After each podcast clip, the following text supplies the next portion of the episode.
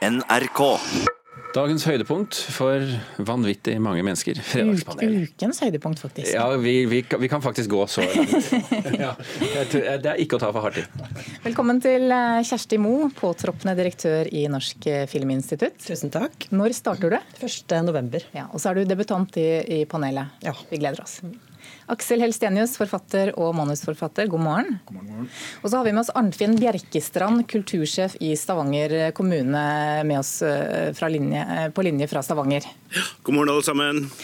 Vi skal starte eh, med noe vi har hørt her i, i eh, Nyhetsmorgen tidligere i uken, nemlig at eh, lydbøker har blitt et populært alternativ til å lese gode, gammeldagse papirbøker. Nyttig er det også, fordi du kan gjøre andre ting samtidig som du leser. Men for stadig flere så er det ikke effektivt nok. skrik og svartbak, som på hver knaus bortover sier kvakk, kvakk, tærne og de spankulerende badefuglene som borer i de snøhvite strendene under det harde solskinn. Men da han kommer seg ut av færingen og vakler noen skritt opp på molo, får han øye på noe han aldri har sett før. Sin egen hjembygd under fjellene inne på Hovedøya, slik den ser ut her fra Barøy, Bruket og buene, gårdene, skogteigene og flåten. Ja, Det viser seg altså at mange lyttere, mange lyttere lytter på høy hastighet for å lese raskere, rett og slett. Og Spørsmålet til panelet er er det respektløst å lytte på denne måten. Overhodet ikke. Jo, ja. Ok, Da får du starte, Arnfinn Bjerkestrand. Nei, jeg får prøve å begrunne svaret. Jeg, hvis du skal lese fortere, så tenker jeg da kan du lese sjøl. Jeg har respekt for de skuespillerne og de som leser inn eh, lydbøkene. De gjør jo eh, til beste i forhold til det som er deres oppgave, nemlig også legge eh, en stykke kunstisk eh, produkt inn i dette. Så jeg, kan forstå at i en travel hverdag ønsker å ha lese en bok fort, men, men når det gjelder lydbøker, så har jeg dyp respekt for at den er gjort eh, beste, etter beste evne og kunstnerisk så godt man bare kan. Kjersti Moe, du du er tilhenger? Ja, altså jeg tenker jo at alle måter å øh, konsumere mer øh, kunst og kultur på er kjempebra. Eh, veldig glad for all ny teknologi som gjør det mulig eh, å få med meg mer, på en måte. Eh, så jeg syns det blir veldig tullete å skulle, å skulle snakke om respekt i en sånn eh, sammenheng. Det er jo eh, også sånn at eh, vi som eh, jeg, blir utsatt for veldig mange inntrykk gjennom dagen, vi blir jo også litt sånn rastløse av det, tror jeg. Eh, og så kan man si at det ville være en god motvekt å senke tempoet og sånn, men hvis du, det fører til at du skrur av, så da tenker jeg da må det være mye bedre å høre på høy hastighet. Jeg syns jo det er litt slitsomt med den Donald-pitchen, det må jeg si. Så, det, så jeg syns jo ikke det Så du etterlyser en annen type stemme når du skrur opp, rett og slett?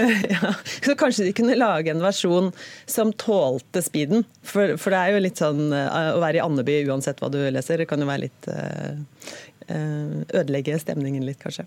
Aksel Helstenius, eh, driver du og skrur opp tempoet? tempo? Det er veldig veldig morsomt dette, her, for jeg har hørt Usynlig på lydbok. Og jeg har gjort det, og så har jeg ikke tenkt på hva jeg har gjort. Men nå, nå skjønner jeg det, for jeg liker veldig godt denne. Jeg, for det første er det en fantastisk bok. må jeg bare si til Roy Jacobsen. Det er en nydelig bok, den er nydelig lest. Men når du har liksom hørt han fortelle og male opp disse stedene på Nordvestlandet, som er også nydelig, og når du liksom kommet inn og fått bildene, så er det noen partier i den boka som jeg opplever sånn, hvor det går litt saktere, og da har jeg rett og slett speeda opp. For at når, du kan ro over denne fjorden flere ganger. Ok, så kan vi ro ned, og så kan vi høre hva de holder på med der når de har hentet denne sauen som de har hentet mange ganger før. Men det kan jo nå litt godt av det, da, å, å høre på det i det tempoet det er lest inn i. Ja, for at jeg leser fort. Så det, det var veldig interessant denne saken. her, for at, er det, ok, det er derfor, ja. Fordi at jeg leser veldig veldig mye fortere enn det, enn det de leser når man eh, leser opp en bok. Altså, jeg, jeg skjønner at jeg er på den tapende laget her, men, men for meg så er jo det sånn at en lydbok er en fremføring. Slik i hvert fall oppfatter jeg det når det er en god, en, en god fremføring og lest av profesjonelle skuespillere. profesjonelle, så det, det er der som er liksom grensesnitt for meg. Ellers kan jeg også jeg, Man gjør to ting med bøker. Man ser hvordan det går, og så ser man om man er omtalt selv. Ja. Men Arnefinn Arnfinn Bjerkestrand, det, det, man skumleser jo kanskje partier i en bok, da, uansett. Ja, men da Som har tenker lest seg jeg- Ja, men For å holde litt på greia mi, da må vi prøve å argumentere for meg sjøl her. Jeg tenker jo det at ja, men jeg, jeg mener faktisk det at en lydbok, slik jeg har opplevd det, jeg har venner som leser inn lydbøker, det gjøres en fantastisk jobb. Lang forberedelse, eh, mange timer i studio. og da tenker jeg at Respekten for det gjør at jeg kan tenke meg å, å, å, å oppfatte det som en slags fremføring av tekst. Det er derfor jeg tenker at en lydbok er forskjell fra at når jeg leser litt, blar litt fort i en eller annen krimbok eller Ja, men, men Arnfinn, tenk på, du har lest Tyggeson-bøkene til Jon Michelet på 70-tallet. Da du kom til den kommunistpropagandaen, hvor fort leste du det?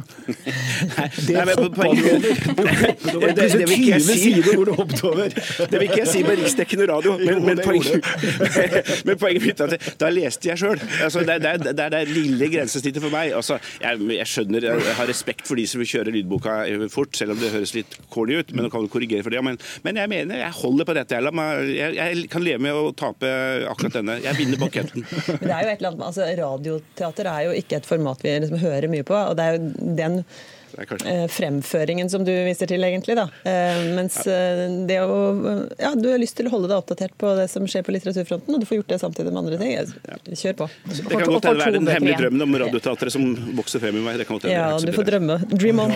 Radioteater er nydelig. Ja da, men kanskje ikke hele tiden. Jo. Men Aksel Helsenius, tror du dette kan smitte over til film eller serier? Jeg satt og tenkte på det, at jeg skulle på en måte skrive en film som går sånn. sånn å lage, lage nye fortfilmer. Husker du, Det var jo sånn det var i gamle dager. så gikk det veldig mye fortere. Sånn. Det var Chaplin og, og sånt. Da. Kanskje det kommer. Okay, De har snakker veldig, veldig fort sånn hele tiden. Kunne være morsomt. For, uh, du kan jo tenke litt på det. Jeg skal tenke på det. Jo, men Det går jo diskusjoner rundt, uh, rundt uh, dokumentarer nå, f.eks. Går det for sakte, da? Så det er jo en For publikum. altså at Vi er, vi er rastløse. Vi sitter med en telefon i hånda mens vi konsumerer. altså Det er jo en det er jo et tema som jeg tenker treffer mange flere kulturformer enn lydbok. Vi skal skifte tema her nå. Eh, Statsministerens kontor skal likevel ikke flytte tilbake til toppen av Høyblokka når regjeringskvartalet står ferdig og klar til bruk. Pga. sikkerheten så kan ikke statsministeren jobbe i bygget samtidig som 22. juli-senteret skal være i første etasje og åpent for folk eh, flest. Og denne nyheten den kom midt i munnhuggeriet innad i regjeringen som har rast denne siste uken. Spørsmålet er, eh, var dette et forsøk fra Erna Solberg på å avlede oppmerksomheten? Det første jeg lurer på, er jo snakker ikke regjeringen med Statsbygg? Eh, For det fremstår jo litt eh, rart, kanskje? Altså at Det går via Aftenposten? Jeg svarer nei. Jeg svarer Jeg håper det. Ok, Men Kjersti Moe, du, du sa verken ja eller nei. Du Jeg synes det høres veldig, rart, rart ut at man skal liksom gå ut. Eh, altså, Rasjonalet er pussig, selv om jeg kan forstå behovet. Ja. Så um, jeg tror jo egentlig ikke det.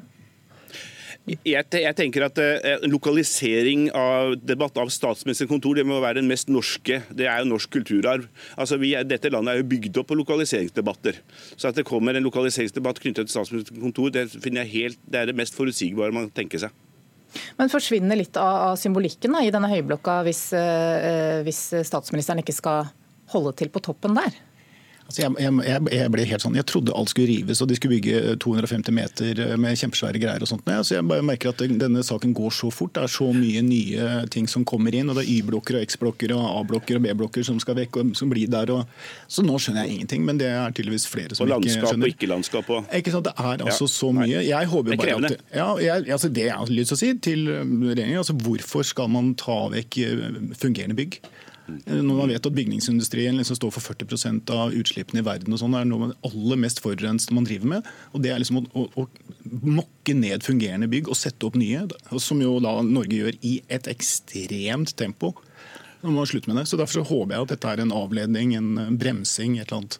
Det går opp for noen at uh, hva er det vi egentlig holder på med her. Mm. Men greia er jo at, at uh, du kan ikke ha plass til både 22.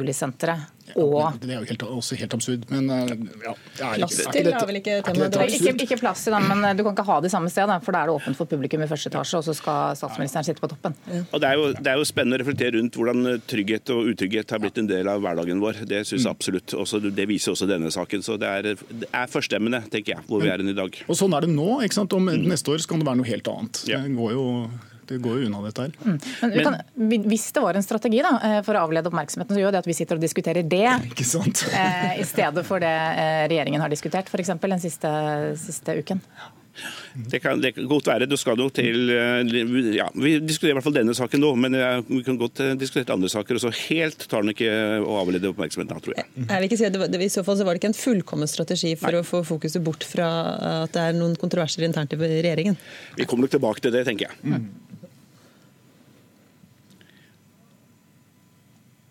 I attended an end of year gala where the theme was Arabian Nights. And I uh, dressed up in an Aladdin costume and put makeup on. I shouldn't have done that. Dette er en annen sak som har blitt eh, behørig debattert eh, de siste dagene. Canadas statsminister Justin Trudeau dro som ung på fest med temaet 1001 natt. Han stilte som eh, Aladdin og sminket ansiktet brunt. Om bord på et fly 18 år senere beklaget han som vi hørte her, overfor pressen og sier at han ikke skjønte at dette var rasistisk. Her hjemme så husker vi jo at finansminister Siv Jensen fikk gjennomgå etter at hun eh, tok på seg et Pocahontas-kostyme på en fest i eh, departementet. Og Spørsmålet til panelet er er brun sminke tabu på fest? Arnfinn? Jeg, eh, tror ikke det er tabu, men jeg tror ikke det er vanlig lenger. Jeg tror man skal ligge unna, ja. Ja, også til de grader. Jeg, hadde, hvis jeg får lov, bare siden jeg er distriktsalibi her, jeg hadde tre refleksjoner. Det ene var at jeg ble litt sånn urolig. Jeg tapte kampen om Maria eh, under julespillet i barnehagen i Skien og ble en av de tre vise menn. Så tenkte jeg, hadde jeg brun krem i ansiktet da? Det tror jeg ikke hadde. Det var det ene. Det andre er, hvis du ser på segregeringshistorien, f.eks. USA, innenfor underholdningsbransjen, så er det dypeste respekt for at ting rundt uttrykk kan skape eh, de konfliktene som, som dette gjør seg. Og det siste er, Jeg tror ikke eh, det er vanlig lenger at vi bruker en slags type uttrykk eh, når vi kler oss ut lenger, og det syns jeg er bare bra. Mm, men dette skjedde jo for, for 18 år siden. Og det har skjedd noen ting siden da, tenker jeg. Nei, altså, ja, Han var 30 år da. Han er 48 nå, så han, er, 30 år, han var jo voksen. da, kan man Det var ikke si. Det var ikke julespill? dette det, var ikke noe, det var ikke noe julespill, og, og, det er 2001. Det er ikke så ja, egentlig lenge siden. Altså, Jeg har på meg en T-skjorte i dag. Jeg håper det er sykt. Ja, det, vi må filme den. Jeg må bare film, film, film. Der står det ikke sånn, Your ignorance can harm those around you.